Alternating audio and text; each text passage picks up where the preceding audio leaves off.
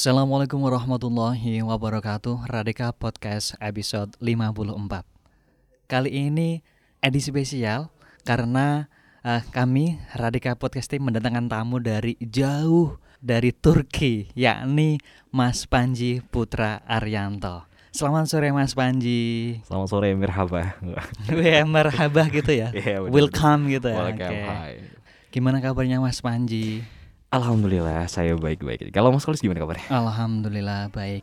Mas Panji, uh, belum lama ini saya mendengar info bahwasanya Mas Panji lagi exchange atau apalah gitu ya mm-hmm. ke Turki selama beberapa pekan. Nah, itu ceritanya gimana Mas Panji? Kok bisa Mas Panji dari kampus kita UIN barangkali ini pertama kalinya ya mahasiswa kali pertama bisa exchange ke luar negeri ke Turki uh, negara apa idaman milenial sekarang. it's my dream, Mas. Nah, it's my dream. Gimana ceritanya, Mas? Oke, baik sebelumnya terima kasih buat Radika FM. Wah, kita bisa sharing bareng sama Mas Holis nih. Oke, pertama itu nama programnya itu adalah International Movement.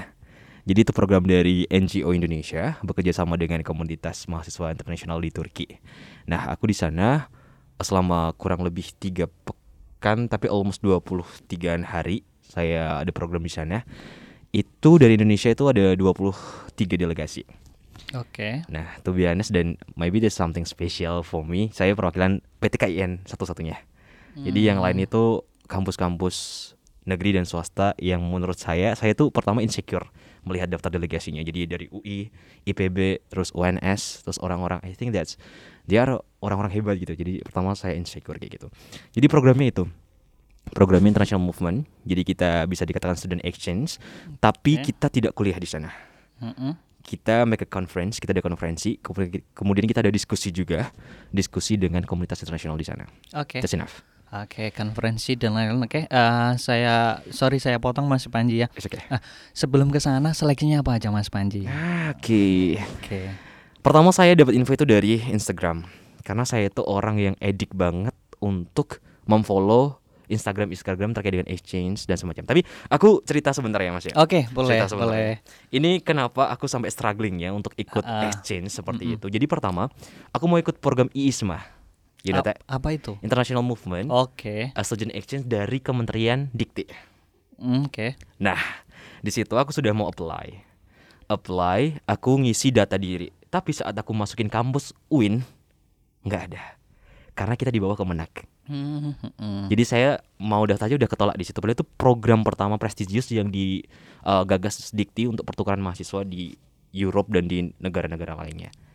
Di situ dan aku udah nggak bisa lolos di situ. Terus temen aku dari UTY dia swasta kan, tapi dia di bawah Dikti, dia lolos ke Lithuania. Itu jadi motivasi aku untuk oke okay, nggak apa-apa. Aku nggak bisa exchange via program pemerintah dari Dikti masih ada jalan lain so I decide to apply di NGO itu jadi kayak ada kekecewaan sebenarnya okay. kenapa kampus kita dengan status yang sudah UIN tapi kok belum bisa mem, apa ya merasakan fasilitas yang luar biasa dari kementerian terkait untuk program uh, pertukaran mahasiswa uh, ke luar negeri kayak gitu mm. that's the reason why itu ceritanya kemudian yang kedua tadi seleksinya apa aja ya oke okay. uh, uh. Oke, okay. seleksi pertama itu aku apply di data diri dulu, kayak CV, kemudian uh, Isai gitu ya. Ya, aku bikin isai di situ mm -hmm. karena tugasnya adalah membuat isi dalam bahasa Inggris terkait dengan project-project untuk sosial di masa pandemi. Itu kemudian wawancara. Wawancara, kemudian the last pengumuman baru saya dikasih tahu siapa yang lolos kayak gitu. Okay. Lebih simple sih, just simple. Mm -hmm. Oke, okay. uh, eh, berapa lama Mas di sana Mas Panji? Oke. Okay. Saya berangkat itu tanggal 17 Aug eh, 17 Januari. Pulang tanggal 9 tiga pekan ya mungkin ya tiga pekanan tujuh belas tiga puluh empat belas hari tambah sembilan dua puluh lima hari oke dua puluh lima hari di dua puluh tiga sorry dua puluh tiga hari oke okay. uh, selama di sana dua puluh lima hari ngapain saja mas Panji Oke, okay, pertama saya karena ini delegasi, jadi ada tanggung jawab untuk menyelesaikan program. Jadi di sana ada program yang pertama itu ada konferensi. Tapi at the last day, aku konferensi. Di luar hari itu ada kunjungan ketiga komunitas internasional mahasiswa di sana. Itu di bawah kementerian langsung di Kementerian Turki.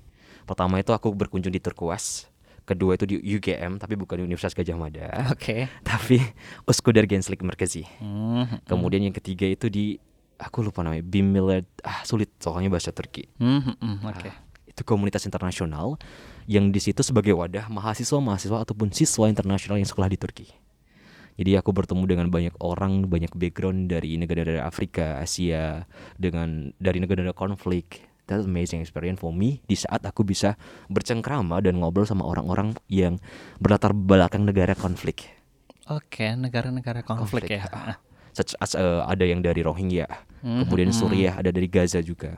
Nah dari situ aku ngerasa oke, aku harus lebih bersyukur ya tinggal di Indonesia dengan segala kemudahan. Karena temanku itu yang dari dia keturunan Rohingya, dia nggak punya keluarga negaraan, tapi dia bisa ke sekolah ke Turki karena ada keluarganya yang tinggal di Arab Saudi dan dia dapat di situ. So I feel more grateful aku tinggal dan lahir di Indonesia gitu sih. Oke, oke, Eh, Mas Panji, kira-kira ada apa ya semacam campaign nggak sih yang dibawa ke ke Turki? In- ini loh yang dikampanyekan kita itu dari Indonesia itu semacam apa gitu? I see, I get the point. Firstly, esaiku pertama itu terkait dengan essay motivation, motivation letterku terkait dengan aku ingin menyebarkan apa yang dimaksud Islam Nusantara. Alright. Itu Islam Nusantara karena aku di Turki yang mereka notabene itu sudah masuk di Islam sekuler I, I think Mm-mm. berdasarkan pengalamanku di sana mereka itu sudah Islam sekuler.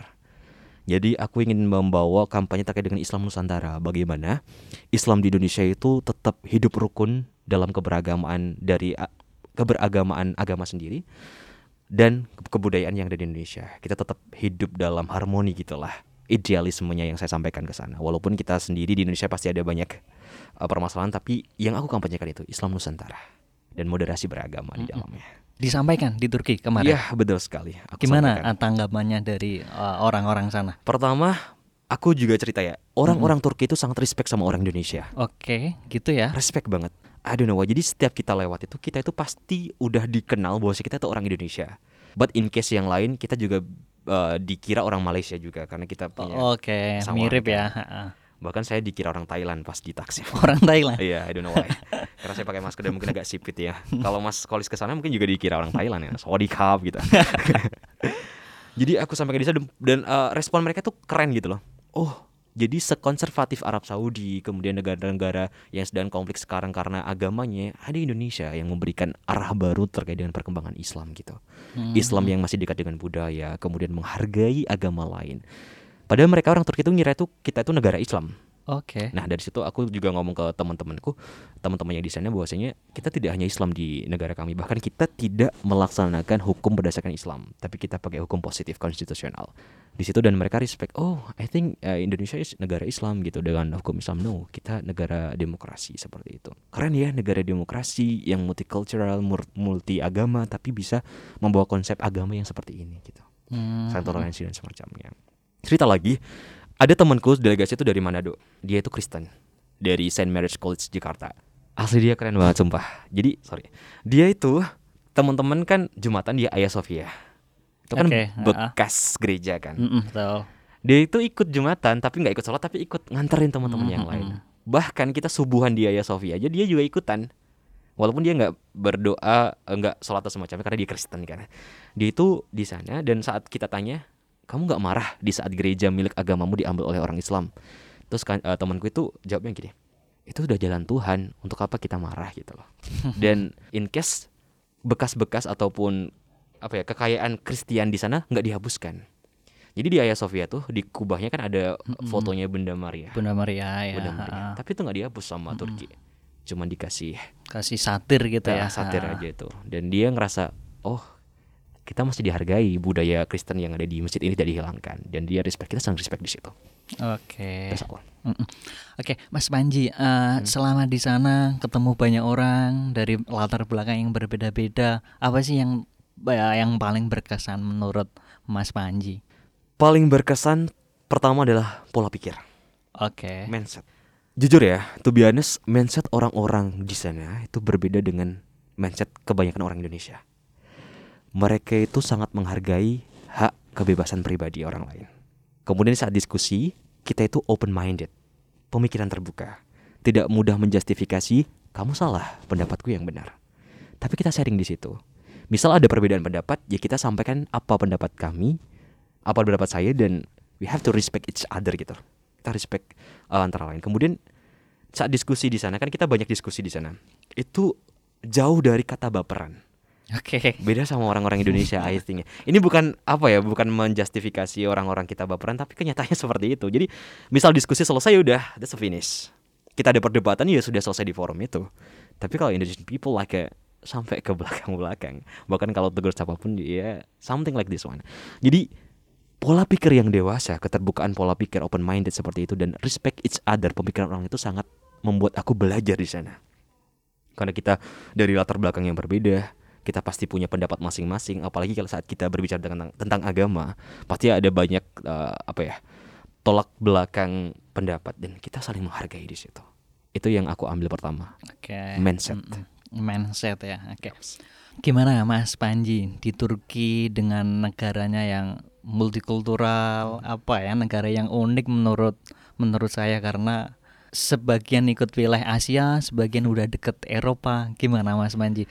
Kesan-kesannya tentang Turki. Cerita dong buat para pendengar Radika Podcast. Oke teman-temanku yang aku cintai, aku harap kalian juga bisa merasakan apa yang kurasakan ya di Turki. Jadi pertama, dari segi cuaca dulu, aku sangat suka cuaca di Turki. Di sana kan sedang winter kemarin, uh, salju. Tapi aku ngerasa itu lebih enak gitu dibanding kita panas ataupun hangat gitu menurut aku. Karena itu sangat berbanding terbalik saat aku di Jakarta, karena aku uh, karantina di Wisma. Hmm. Panas banget. Tapi saat di Turki itu dingin karena emang uh, musimnya musim salju. Jadi satu enak banget. Jadi aku pribadi kan seneng jalan.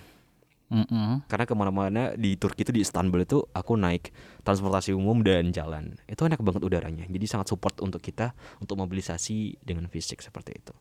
Itu pertama. Kemudian untuk kultur agamanya. Di sana kan mungkin mayoritas ya mungkin ya. Tapi aku nanti bisa salah. Itu banyak yang sekuler di sana meskipun ada tempat-tempat yang mempraktekkan Islam taat. Seperti halnya di sekitaran Masjid Al-Fatih Sultan Al-Fatih. Oke. kemudian di kampung Arab di sana ada kampung Arab juga itu orang-orangnya ngerasa ketenteraman jiwaku dapat di situ. Mungkin bisa dibayangkan seperti di Tarimnya Yaman ya. Jadi, Oke. ngeri ya. Di sana kita nyaman di situ tapi beda di saat kita di kota-kota. Istilah kayak di Taksim. Taksim itu kan uh, pusat sekulernya mungkin pusat sekulernya orang-orang Turki. Di sana itu udah beda banget dari bayangan orang-orang Indonesia yang menganggap Turki itu agamis Oke. Mm-mm. karena di sana di saat summer itu pakaian mereka juga ya seperti yang orang-orang Eropa pakai. Mm-mm. Kemudian bahkan di sana tuh banyak eh, klub-klub yang menjual minuman keras secara terbuka.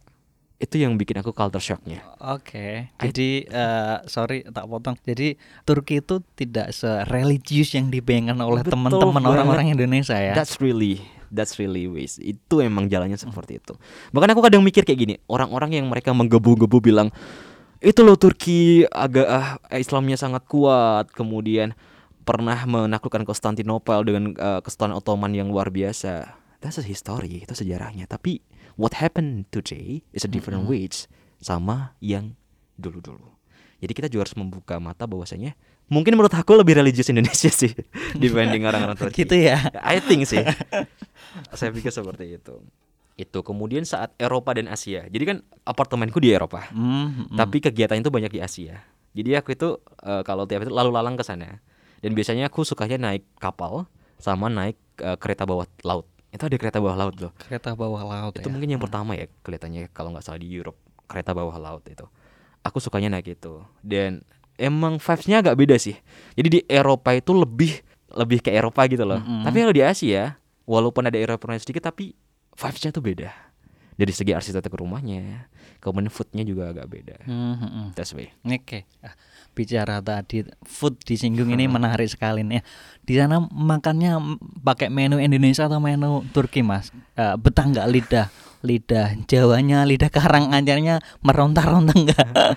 Aduh, kalau bahas masalah makanan tuh honest, firstly first impressionku nggak enak makanan sana.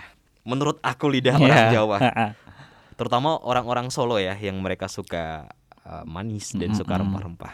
Jadi kalau makanannya dari panitia itu disediakan makanan Turki. Jadi tiga hari makan. Tapi karena aku tinggal di apartemen, aku masak. Oh, masa ya? Aku masak. Jadi Bah- makanan-makanan bahannya gimana? Bahannya? itu beli di sana. Kan Oke. ada ada apa kayak toko. toko Asia, Toko Asia. gitu ya. Price-nya mahal banget sih. Kecap itu, kecap bango yang kecil itu harganya hampir 50 ribuan lebih. Mhm, mahal banget. Aku masak di situ. Jadi aku pi- eh, kan panitia juga nyediain magicom kalau mau masak nasi. Kita beli beras di situ, kita masak di situ. Jadi aku lebih banyaknya makan masakanku sendiri Ya. dibanding makan dari masakan pan eh makanan dari panitia. Mhm. Karena I nggak enak gitu loh. Aneh gitu. Aneh. Yang paling aku suka sih makanan sana itu sih kebab. Oke, kebab. Enak banget. Enak Dan banget ya? Dagingnya banyak banget. I love it. Eh, beda sama kebab sini ya. Beda, beda, beda, beda. Di Beda sini mah, di sini mah bentuknya ukuran apa ya? Kecil banget tuh. Dia timbang berapa gram? I think just 50 gram. Tapi di sini tuh besar banget. Besar dan murah gitu loh. Murah dan nggak ada sayurnya ya. Ada sih. Oh, ada juga tapi ya. banyak dagingnya. Oke. Enak banget. Daging kambing, daging ya, chicken. Ah, banyak banget. Enak, enak. Oke, oke makanan udah Hmm. culture-nya. Nah, Oke, oke, oke, oke. culture-nya orang-orang Turki, budayanya eh, gimana menurut Mas Panji selama hampir satu bulan di sana ya? Iya. Kalau culture, kalau pribadi, aku belum menemukan identitas asli orang Turki. Kalau di kita orang Indonesia kan ada identitasnya. Seperti kamu orang Jawa itu kelihatan kamu orang Jawa. Kemudian kamu orang Ambon itu kelihatan orang Ambon. Orang Sumatera kelihatan Melayunya. Tapi kalau aku di Turki, hampir aku tidak melihat identitas asli orang Turki. I don't know why. Itu secara personal. Tapi kalau secara arsitektur, kemudian secara apa ya, tempat-tempat yang budaya itu aku dapat di situ yaitu bekas-bekas dari kerajaan Kesultanan Ottoman. Tapi secara culture orangnya di sana sudah apa ya? Karena di sana sudah kota besar Istanbul dan banyak sekali migran. Jadi aku tidak menemukan kultur asli orang Turki itu yang seperti apa gitu. Oke. mm-mm. Itu yang bikin aku ngerasa oh bahagia ya di Indonesia gitu. Kita masih kuat dari identitas kita uh, dari masing-masing suku ataupun masing-masing apa ya budaya kita tapi kita juga disatukan sama Indonesia sendiri dari segi bahasa semacam tapi kita tidak luntur dari apa yang kita punya dari sejak lahir kayak gitu. Tapi di sana kayak aku tidak melihat identitas asli orang Turki itu seperti apa gitu. Mm, mm, mm. That's why. Nah, kira eh, barangkali itu ya tinggal di kota besar ya. Iya betul. Ah, ah, ah. Oke, selama di Turki berkunjung ke mana saja Mas Panji? Aduh, banyak banget asli Ah, mas. Itu nggak di eh, di mana ini di It's My Dream itu mana? Kapadokia. Ya, ke sana nggak? Enggak ke Kapadokia. Oh, enggak ya. Karena it's too expensive ya. Wah, too expensive. Mahal oke. banget di Kapadokia itu dan itu adanya perjalanan darat.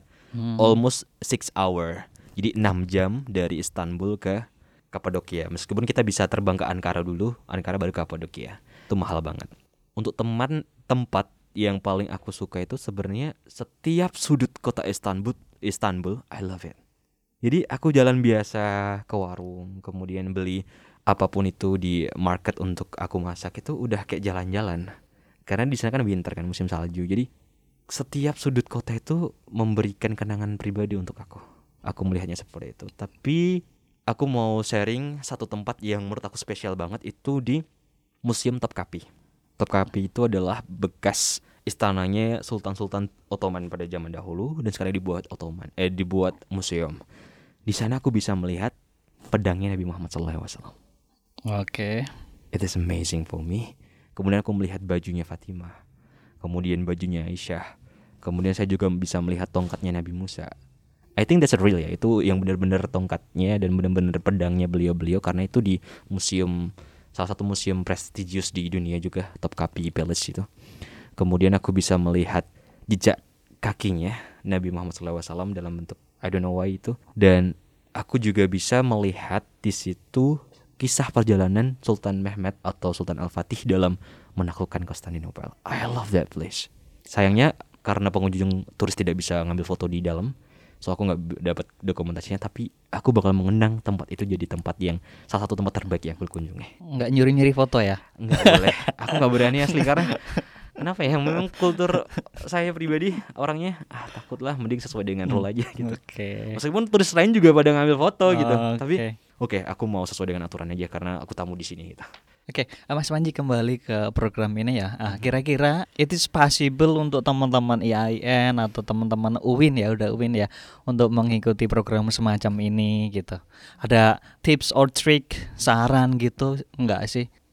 Oke, sebenarnya mau dari mana pun kamu kampusnya berasal, semua program itu punya aksesibilitas untuk kamu daftari. Pertama, semua itu punya chance, punya kesempatan yang sama untuk ikut dalam sebuah program. Kecuali emang ada rule di situ yang tidak memperbolehkan kampus kamu join dulu seperti halnya ISMA kemarin karena kampus kita belum register di kampus Merdeka. Jadi semua orang itu punya kesempatan yang sama untuk menggapai mimpi-mimpi mereka. Saran aku pertama adalah believe in yourself. Yakin Oke. pada diri kalian sendiri. Yakin pada dirimu karena di saat kalian itu sudah di underestimate sama orang lain, tapi kamu sendiri meng underestimate kamu sendiri, alias kamu nggak yakin, Mm-mm. semua akan terasa berat gitu loh. Mm, double kill ya. Jatuh kill udah kayak, aduh mau jalan gini kok kerasa gue nggak mampu gitu. Dan orang lain menganggap kita juga nggak mampu. Please believe in yourself, you can do it. Di saat kalian percaya dengan kapasitas diri kalian, akan lebih terbuka lebar gerbang dan jalan untuk kalian maju dan meraih impiannya. Untuk technically, pertama, jangan menganggap kemampuan bahasa Inggris itu hanya untuk mereka mahasiswa dari jurusan bahasa Inggris. Istilah kayak Mas eh, Kolis kan. Mas Kolis juga pandai banget bahasa Inggris karena kita pernah satu conference dan bahasa Inggris Oh, luar iya. biasa. I love it, I love it. Padahal kita sama-sama orang KPI. Jadi jangan ada mindset bahasa Inggris itu hanya untuk mereka orang-orang yang eh, orang yang berkecimpung di dunia pendidikan bahasa Inggris dan semacamnya. Karena to be honest, bahasa Inggris itu penting banget buat kita untuk mengembangkan diri. Karena sesimpel gini, kita memiliki kemampuan dalam berbahasa Inggris walaupun itu sederhana, kita bisa lebih mendapatkan ilmu pengetahuan dengan membaca buku genre bahasa Inggris. Itu nggak kita dapatin di buku eh, dengan kita hanya memiliki kem- kemampuan di satu bahasa. Hmm. Itu simpelnya, kita bisa lebih membuka jendela dunia. Jadi jangan menganggap remeh bahasa Inggris, jangan mengunderestimate orang yang bisa bahasa Inggris. Ayo kita belajar bareng-bareng bahasa Inggris. Kedua, kemarin alhamdulillah aku terpilih jadi delegasi terbaik, jadi best delegate. Oke. Di situ aku saranku just be yourself. Jadilah diri sendiri. Mau di mana pun kamu berada, jadi diri sendiri. Karena itu kalian akan bisa dilihat bahwasanya kamu orang yang spesial di saat kamu bisa memberikan hal berbeda, tapi hal berbeda itu kalian peroleh saat kalian menjadi diri sendiri. Kayak gitu. Mungkin saranku seperti itu. Oke. Ya, yang penting jangan insecure duluan Ah, ya. bener banget. Buat apa sih insecure gitu? Walaupun boleh sih kadang-kadang. Oke, Mas Panji, ah, terakhir dong ah, Yaps. ah, mengenai exchange Turki dan lain-lain. Ah, kesan dan apa ya yang yang kira-kira yang perlu diwartakan ke teman-teman para pendengar podcast. Pertama, ini mungkin sangat idealis ya kata-kataku bahwasanya tadi saat kalian punya mimpi jangan takut untuk jatuh. Saat kalian punya mimpi, ayo lakukan. Jangan pernah kalian men- meng- underestimate kemampuan kalian sendiri. Please believe in your kapasitas kemampuan kalian. Sederhana, sesederhana kalian suka TikTok, lakuin aja.